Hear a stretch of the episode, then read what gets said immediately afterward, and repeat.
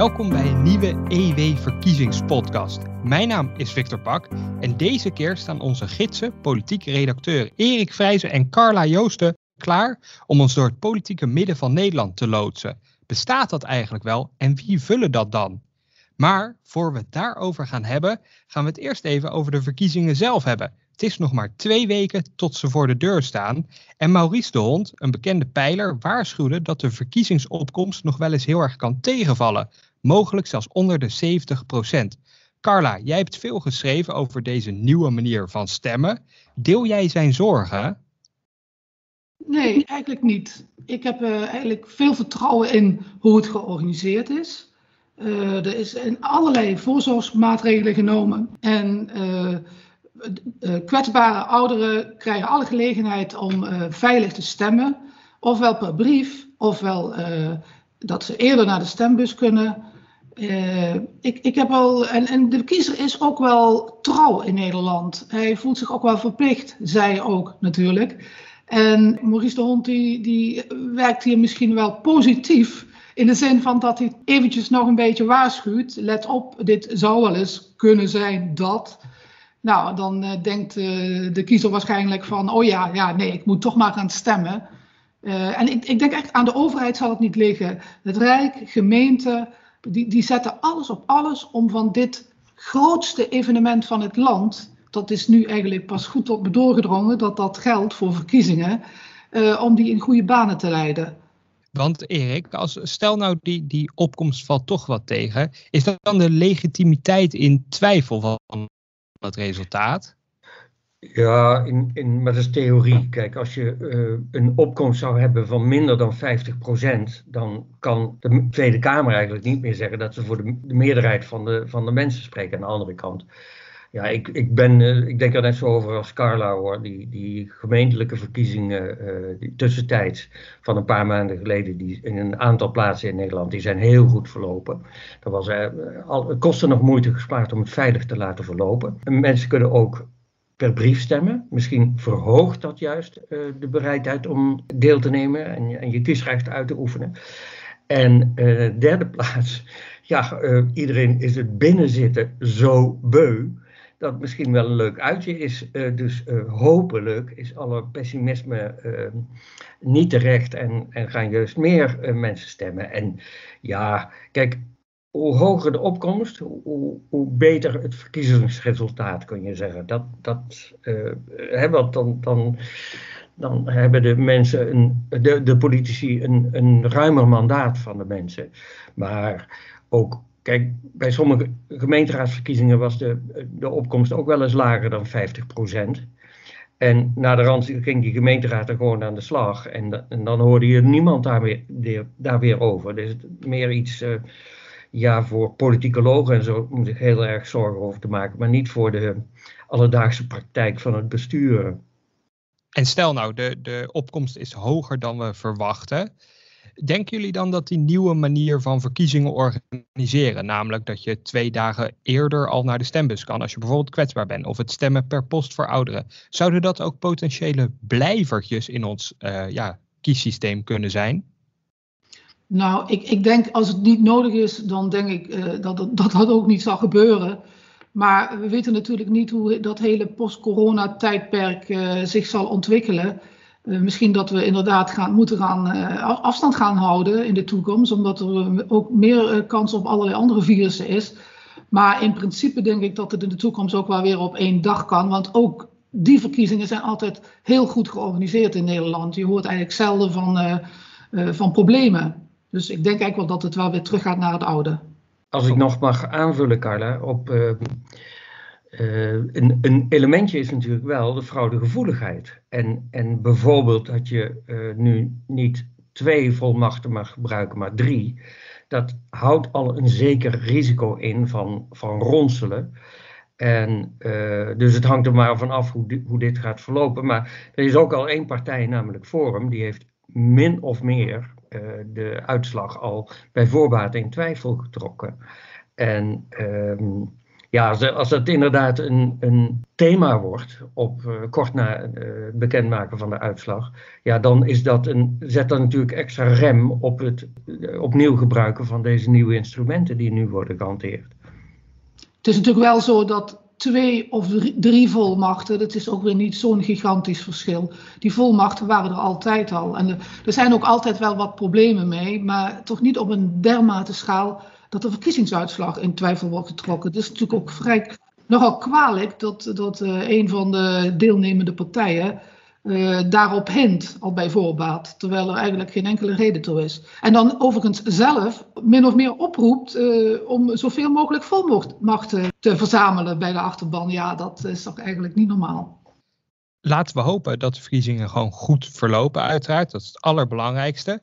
In deze aflevering van de EW-verkiezingspodcast staat het politieke midden centraal. We bespreken vooral D66 en de ChristenUnie. Maar horen er eigenlijk niet meer partijen bij dat politieke midden? Wat, wat is jullie mening daarover? Nou ja. als je het definieert als politieke midden, zijn de partijen die de, uh, die de regeringsmeerderheid uh, moeten, met wie je de regeringsmeerderheid moet zien te bereiken. Ja, dan horen er wel meer partijen bij. Kijk, want op basis van de huidige peilingen, uh, de VVD staat om ongeveer 35 tot 40 uh, zetels, kun je zeggen. Nou, dan moeten minstens twee of drie, misschien wel vier partijen bij om aan een meerderheid te komen. Dus krijg je automatisch dan al CDA, de middenpartij van, van vroeger. Uh, je krijgt D66 moet erbij, ChristenUnie en misschien ook nog wel de SGP. Die wordt meestal als uh, rechts en staphorst gezien. Maar voor de coalitievorming is het eigenlijk wel een, uh, een middenpartij inderdaad. En Carla, wat vind jij? Eh, horen bijvoorbeeld de, die klassieke brede volkspartijen, Erik noemde het CDA al de, de klassieke middenpartij van Nederland, horen die ook bij het politieke midden? Ja, zeker. Er zijn alleen wat nuanceverschillen. De PvdA lijkt nu uh, wat meer naar links te trekken. Maar goed, tegelijkertijd uh, kan je zeggen dat de VVD ook wat meer naar links gaat. Je ziet het ook wel aan de verkiezingsprogramma's. Het is eigenlijk niet zo dat er allerlei revolutionaire dingen in staan. En als er iets revolutionairs in staat, dan, doen eigenlijk, dan hebben de meeste partijen dat erin staan. Ik noem maar wat even het, de afschaffing van het toeslagenstelsel. Alleen de VVD heeft dat er nog in staan. Nou, ik moet nog zien hoe dat dan in de formatie gaat. Want dat is natuurlijk een gigaklus om dat uh, toeslagenstelsel te wijzigen. En dan ook nog allerlei alternatieven voor in te voeren. Die ervoor zorgen dat mensen toch nog kunnen blijven wonen, kinderopvang kunnen betalen en zich zorg kunnen veroorloven. Dus als ik jullie zo beluister, dan is dat politieke midden in Nederland eigenlijk, eigenlijk heel breed. Ja, vroeger had je, had je het CDA en dan zei de Van Acht, die was de CDA-leider en tevens premier, die zei we buigen niet naar links en we buigen niet naar rechts. En nee, dan viel de boter van zijn hoofd. En dat, had je, uh, dat heb je nu eigenlijk niet meer. Het is een typische partij die die andere twee tegen elkaar kon uitspelen. Want dat kon het CDA natuurlijk altijd. Die, die kon zeggen van, nou ja, als, als het niet over links kan, dan gaan we wel over rechts of omgekeerd. Ja. En, en zo'n partij is er eigenlijk niet meer. Ja, de, de, de VVD is nu eigenlijk de, de traditionele regeringspartij in het politieke midden. Met die verstande dat Rutte uh, de PVV uitsluit. Dus eigenlijk heeft hij zichzelf al uh, tot, tot uh, ja, we buigen naar links veroordeeld. Want al die partijen met wie hij potentieel kan samenwerken, die zitten ter linkerzijde van de, van de VVD. In deze podcast staan deze week D66 en de ChristenUnie centraal. Als we ons richten op, uh, op D66, wat, wat viel jullie op in, uh, in het verkiezingsprogramma? Om te beginnen bij Carla. Nou, we hebben nu het voordeel vandaag dat we al uh, gebruik kunnen maken van de doorrekeningen van het CPB. En wat mij het meeste opviel bij D66 is dat de lasten voor de huishoudens met 20 miljard worden verlaagd en de lasten voor de bedrijven met 15,4 miljard worden verhoogd. Dat uh, is ik erg opmerkelijk en uh, ik ben geen financieel deskundige, maar dit lijkt me ook een punt wat in de, uh, waar het vooral om zal gaan draaien in de kabinetsformatie, waarvan we nog niet weten wie er allemaal aan tafel gaan zitten. wat me bij D66 en de ChristenUnie opvalt, maar dat geldt trouwens ook voor andere partijen, is wat ik net ook al op hintte. De afschaffing van de kinderbijslag, kinderbudget, huurtoeslag, zorgtoeslag. Dat levert allemaal miljarden op. Maar de partijen moeten wel draaien aan allerlei andere knoppen om te zorgen dat de mensen niet, uh, uh, zich niks meer kunnen veroorloven op deze basisterreinen. Dus dat, viel me wel heel erg op, ja. En voor de rest vind ik, uh, ja, de, de ChristenUnie maakt wel een, een hele degelijke indruk. die, die, die zorgen ervoor dat, dat zeg maar de uitslagen naar min en plus, dat die zich een beetje in evenwicht houden. En D66 die, die nemen gewoon wat meer risico's op dat terrein. Dat, dat vind ik wel heel opmerkelijk. Verder, ja, we weten dat deze twee partijen op medisch-ethisch gebied en, nogal uit elkaar liggen. En dat krijgt ook altijd heel veel aandacht. Maar ja, dat zijn natuurlijk geen fundamentele zaken in, in een politiek programma voor een nieuw kabinet. Hoewel het wel zo wordt gebruikt door beide partijen om zich te profileren die lastenverschuiving van, uh, van burgers naar bedrijven, die kan ik wel plaatsen trouwens. Ik, ik ben nooit zo van dat uh, precieze doorrekenen door het CPB, want dat, dat berust ook altijd op heel veel aannames en noem maar op. Maar die, die lastenverschuiving, ja, dat heet met één woordje heet dat vergroening. En, en ehm, dat is hun manier om, om al die klimaatmaatregelen te betalen. Want D66 zet daar fors op in in hun programma. ChristenUnie ook, maar iets minder. En wat dat betreft is D66 lijkt heel veel op GroenLinks als het, als het gaat om die lastenverschuiving. En verder, ja, het, het valt altijd op dat die partij zo'n zo favoriet doelwit is van, van rechtse mensen, van rechtse partijen. Niemand wekt zoveel agressie op bijna bij rechtse mensen. En, en hoe dat dan komt, misschien omdat ze, ze hebben toch een beetje een, bedweterig en hotain toontje. Hè? Dat, dat wordt Kaag ook voortdurend verweten van... Uh, uh, in het laatste televisiedebat uh, was Wilders daar ook op aan het, aan het hameren met zijn kaagbaan en u vliegt vier keer de wereld rond en zo. En, maar ook vroeger had je dat altijd, bijvoorbeeld Wiegel tegen Jan Terlouw, van we zwaaien het ventje vriendelijk uit. Er zit een soort ja, bliksemafleider, uh, D66, voor, voor rechtspartijen. Merk jij dat ook, Carla? Nou ja, dat, dat signaleer ik natuurlijk ook. Ja. Je hoeft inderdaad, je hoeft de zondag maar even op Twitter te kijken. En de walm sloeg je tegemoet van de haat tegen Kaag. Eh, maar zij sloeg overigens ontzettend slim terug door een foto van zichzelf met haar politiek adviseur te plaatsen, al wandelend met hun honden in het uh, Haagse bos of uh, ergens in de buurt daar. En uh, ze, ze sommeerde of ze, adviseerde de haatzoekers op Twitter om vooral te letten op hun bloeddruk en elkaar een beetje netjes te behandelen.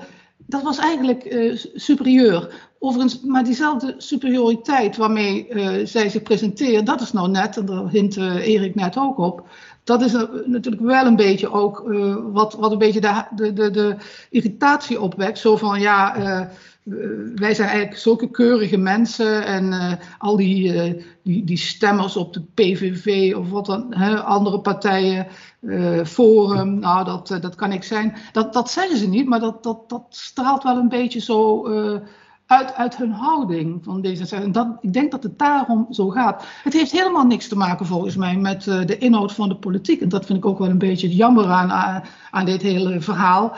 Dat, het gaat natuurlijk eigenlijk amper nog over de inhoud. Maar uh, door uh, af te geven uh, op Kaag over dat vliegen, wat, wat Erik net vertelde, dat kan, kan Wilders natuurlijk een punt maken. En in dit geval kon Kaag ook weer een punt maken door op Wilders te reageren met uw zielige zwarte Piet symbool. Dat was ook een, natuurlijk een hele goede reactie. En dat, dan zijn we weer terug bij Pechtold en Wilders, die ook uh, van elkaar profiteerden. Een bekend fenomeen in, in, in de Tweede Kamer. Ja, alle partijen wilden eigenlijk wilden zoveel mogelijk uh, negeren. Behalve uh, D66 van Alexander Pechtold. En, en nu zie je eigenlijk precies hetzelfde gebeuren. Het, ik denk nog even over die, die weerzin die D66 wekt bij rechtse mensen. Dat heeft toch ook een beetje met dat bedweterige te maken. Zij stralen toch iets uit van wij weten wat goed is voor Nederland. En, en jullie weten dat niet, want jullie zijn populistisch of jullie zijn ja, jullie zijn niet netjes genoeg of zo. De, beroemdste beeld is, wat ik erbij heb is met Rob Jette, uh, bij die uh, kolencentrale in Amsterdam die, die gesloten werd. En daar was hij, deed hij heel triomfantelijk over. Van kijk eens, en wij hebben die toch maar mooi gesloten. Ja, het is wel het verlies van 150 arbeidsplaatsen of zo.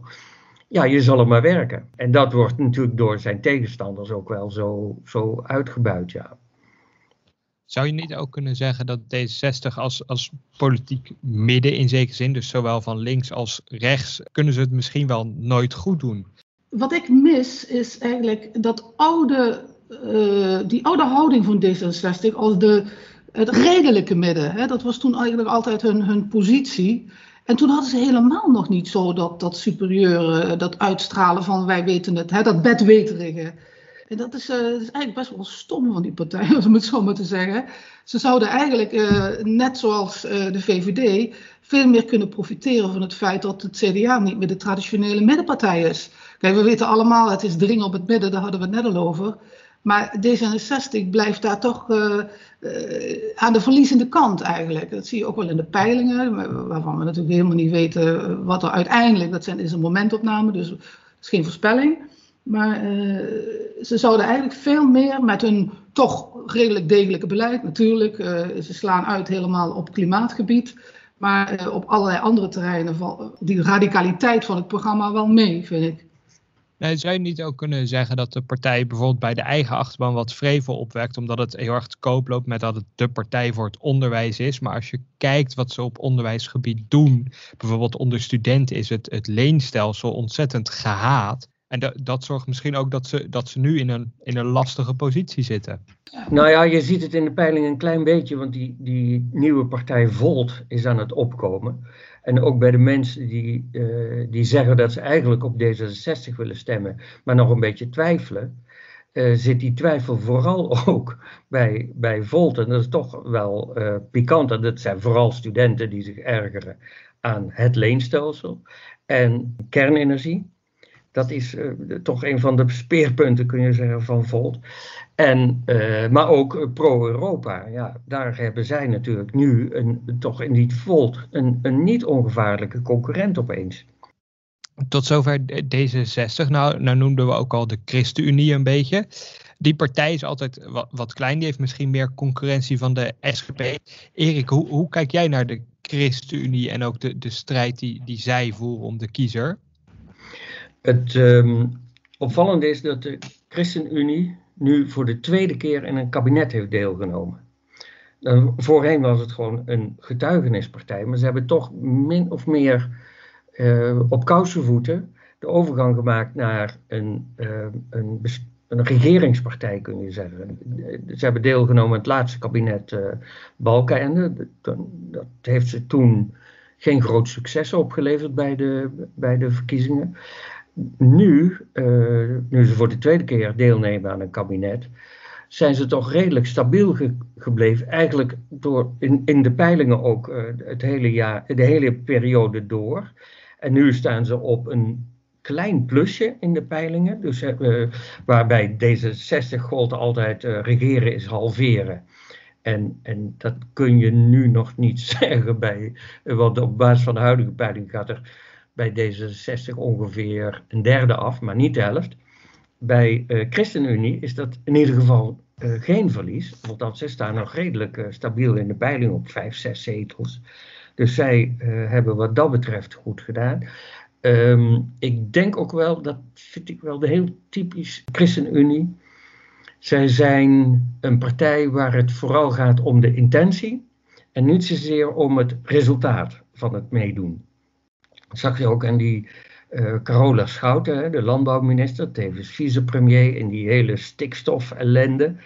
en en de, de, ze kreeg de, haar eigen achterban van de boeren kreeg ze tegenover zich.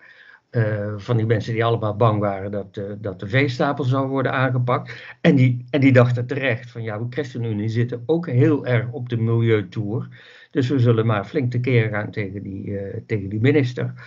En Schouten zat wel heel erg ehm, klem, kun je zeggen. Maar ze redden zich er dan uit door zich gewetensvol voor te doen. En kijk eens hoeveel, hoeveel moeite ik doe en wat mijn goede intenties zijn. En, en, en vreemd genoeg komen ze daar toch mee weg. Uh, dat is toch wel opmerkelijk voor deze partij. Het is een partij van intenties, niet zozeer van, van resultaten. En misschien uh, wekt dat toch bij veel mensen wel sympathie. Hebben ze het regeren dan beter aangepakt dan bijvoorbeeld D66, wat dus wel een beetje uh, verlies merkt van de regeringsverantwoordelijkheid, terwijl dat bij ChristenUnie niet het geval is, Carla?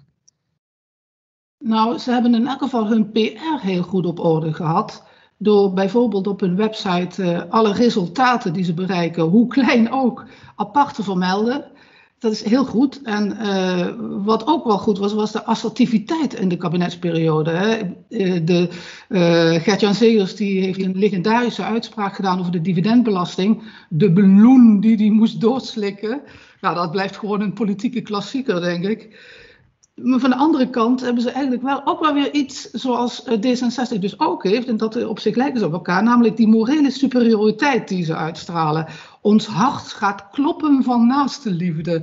Dat soort uitspraken. En dan denk ik van, goh, eh, zitten we in de kerk of zo? Maar goed, dat is natuurlijk uh, de achtergrond van die partij. En daar, je moet natuurlijk wel de, de, de achterban uh, bij je houden. Nog even over Carola Schouten. Dat viel mij ook op. De partij is eigenlijk voor kringlooplandbouw. Dat zou een enorme revolutie zijn in, in, in de Nederlandse landbouw. Maar één partij kan natuurlijk in een coalitie uh, niet zomaar uh, zo'n revolutie prediken of laat staan ook uitvoeren.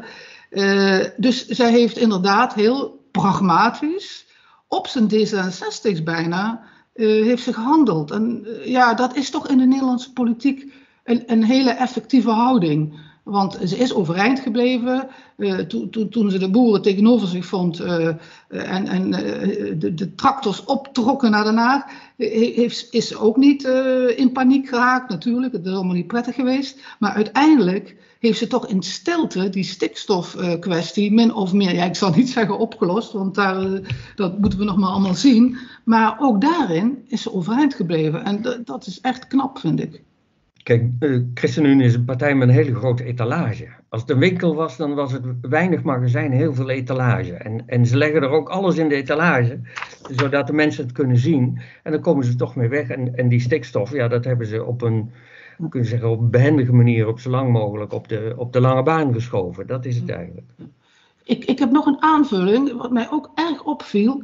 Kijk, ze, ze hebben zich heel erg geprofileerd met uh, kinderpardon, et cetera. Dat vind ik eigenlijk zelf een soort langspeelplaat. Want wat zet dat nou eigenlijk uh, voor zoden aan de dijk in de oplossing van, uh, van, van het verschrikkelijke asielprobleem? De, Als je ja. kijkt naar de Moria, uh, die 500 vluchtelingen die ze eigenlijk uit Moria wilden, willen halen.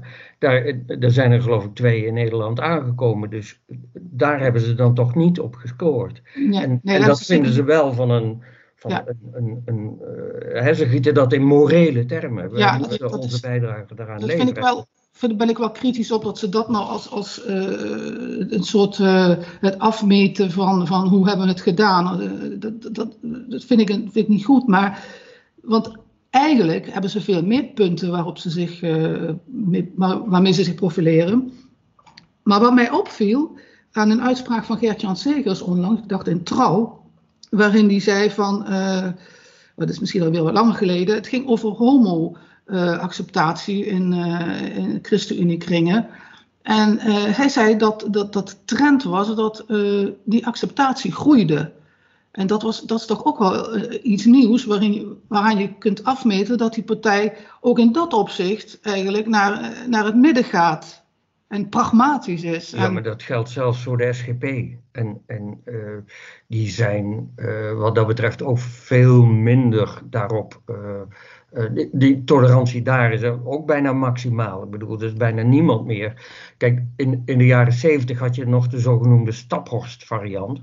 Dat is als, als de, en daarmee we bedoeld als CDA met, met VVD en de kleine christelijke partijen uh, zou gaan regeren. En dan, dan mocht je aannemen van ja, dan, dan is het gedaan met de liberalisering van abortus en euthanasie. En wordt ook homoseksualiteit gediscrimineerd door bijvoorbeeld uh, christelijke scholen de mogelijkheid te geven om homoseksuele docenten te weren. Maar eerlijk gezegd, dat, dat zie je toch ook niet meer bij de SGP als, als speerpunt. En bij de ChristenUnie toch al helemaal niet. Nou, ik voorspel wel dat de eerste SGP-vrouw in de Tweede Kamer nog twintig jaar op zich laat wachten. Dus in dat opzicht is die partij toch echt wel een groot verschil ten opzichte van de ChristenUnie. Ja, maar ook daar hebben ze, hebben ze een, uh, een, een, verandering heeft zich daar voltrokken ten opzichte van een jaar of tien geleden. Ja, gedwongen door de rechter, hè? dat moeten we er wel bij zeggen. Ja, maar uh, zelf zeiden ze, mensen als Kees van der Staaien, we geven nou even de tijd, dan komt dat wel goed. Maar juist, uh, zij waren natuurlijk een favoriet mis, uh, mikpunt voor allerlei uh, feministische groepen om, om die discriminatie aan te tonen. Maar eerlijk gezegd, dat heeft zich toch vrij geruisloos voltrokken. En... Dus je kan zeggen dat de ChristenUnie wat, wat sneller progressief wordt, maar, maar dat bijvoorbeeld hun concurrent de SGP daar wel een klein beetje achteraan hobbelt. Ja, maar er is natuurlijk altijd een groot verschil geweest tussen de uh, verschillende onderdelen van deze partijen. Vroeger had je GPV en RPF, die dan uiteindelijk opgingen in de ChristenUnie. Waar GPV was toch ook wel een heel andere partij dan SGP. Maar goed, ze hebben wel altijd lijstverbindingen gehad en dergelijke.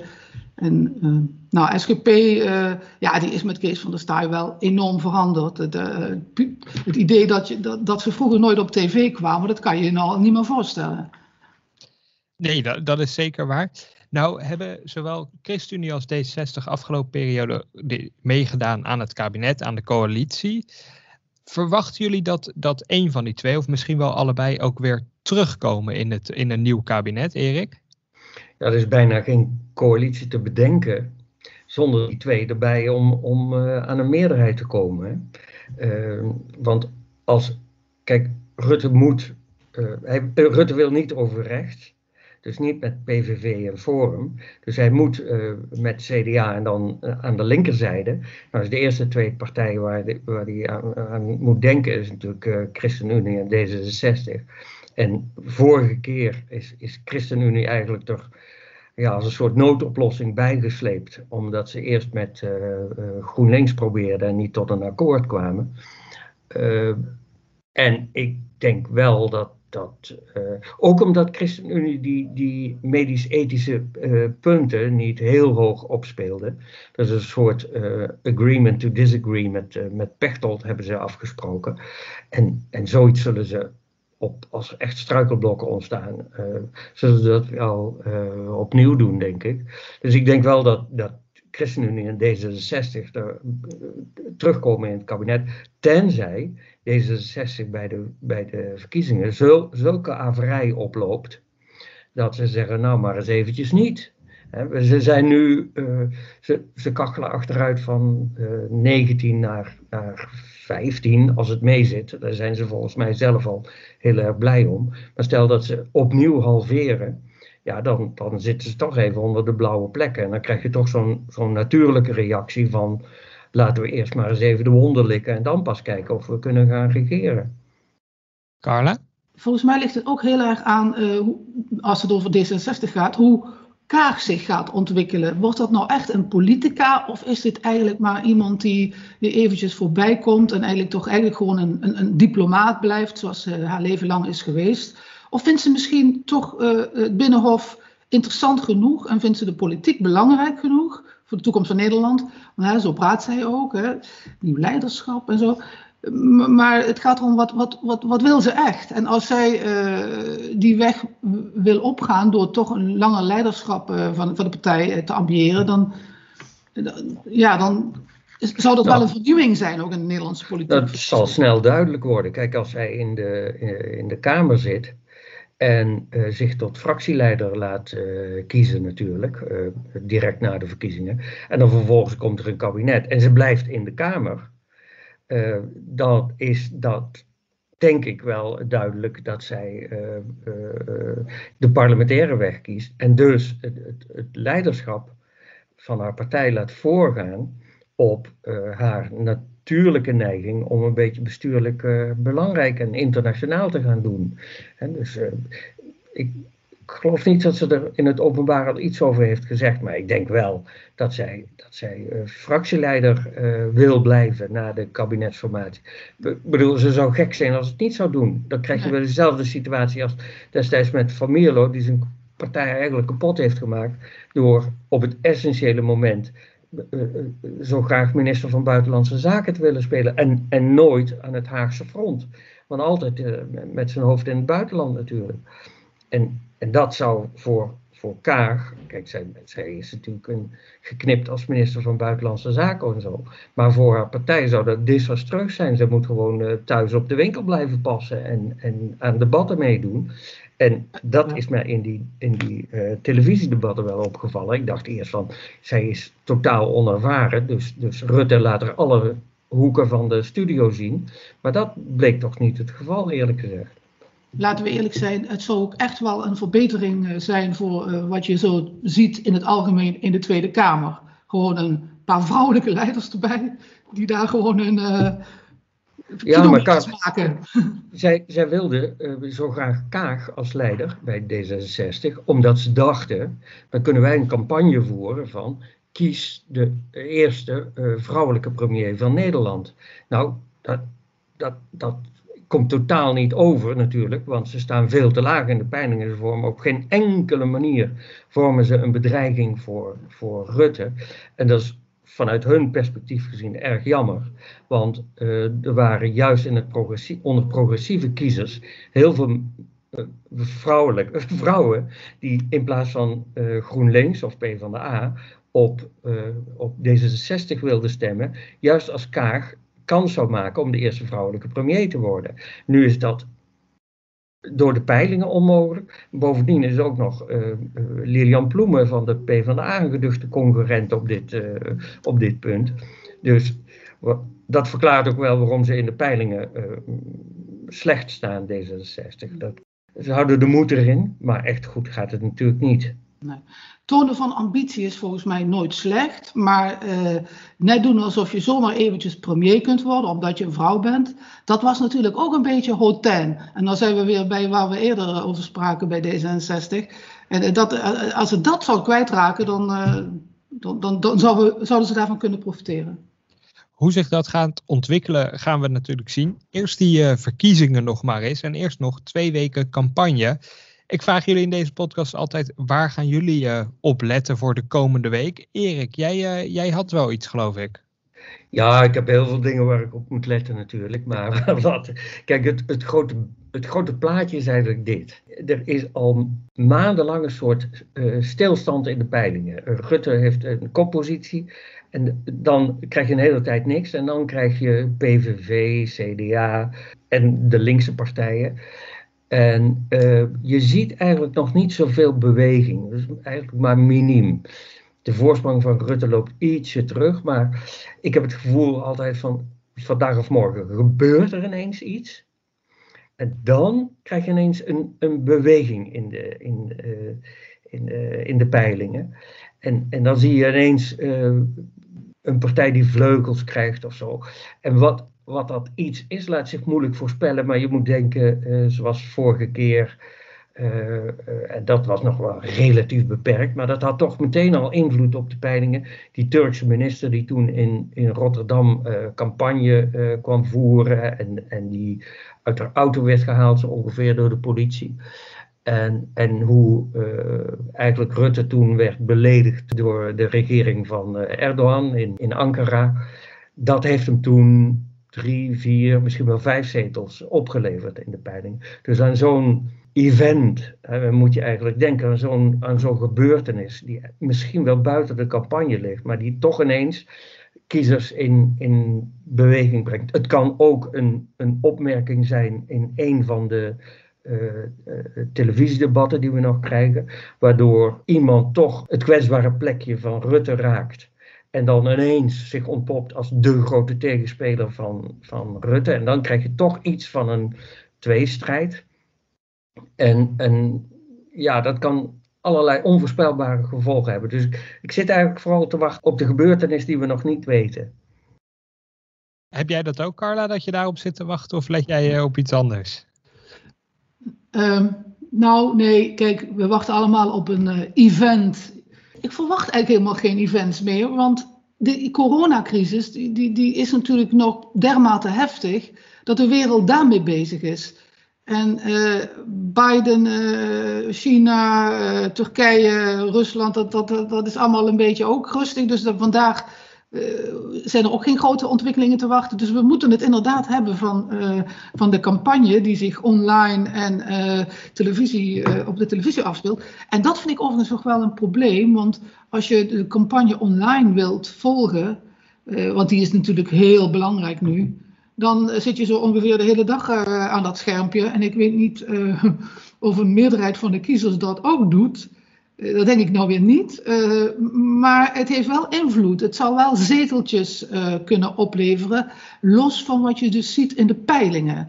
Want die pijlers, dat, is, zijn sowieso momentopnames, moeten we niet vergeten, geen voorspellingen. Maar die pijlers die bereiken ook lang niet iedereen. Dat proberen ze wel. Dat, dat, dat, ze zeggen ook dat ze die juist wel allemaal hebben. Maar er zijn zoveel subgroepen, bubbels, zoals het tegenwoordig heet.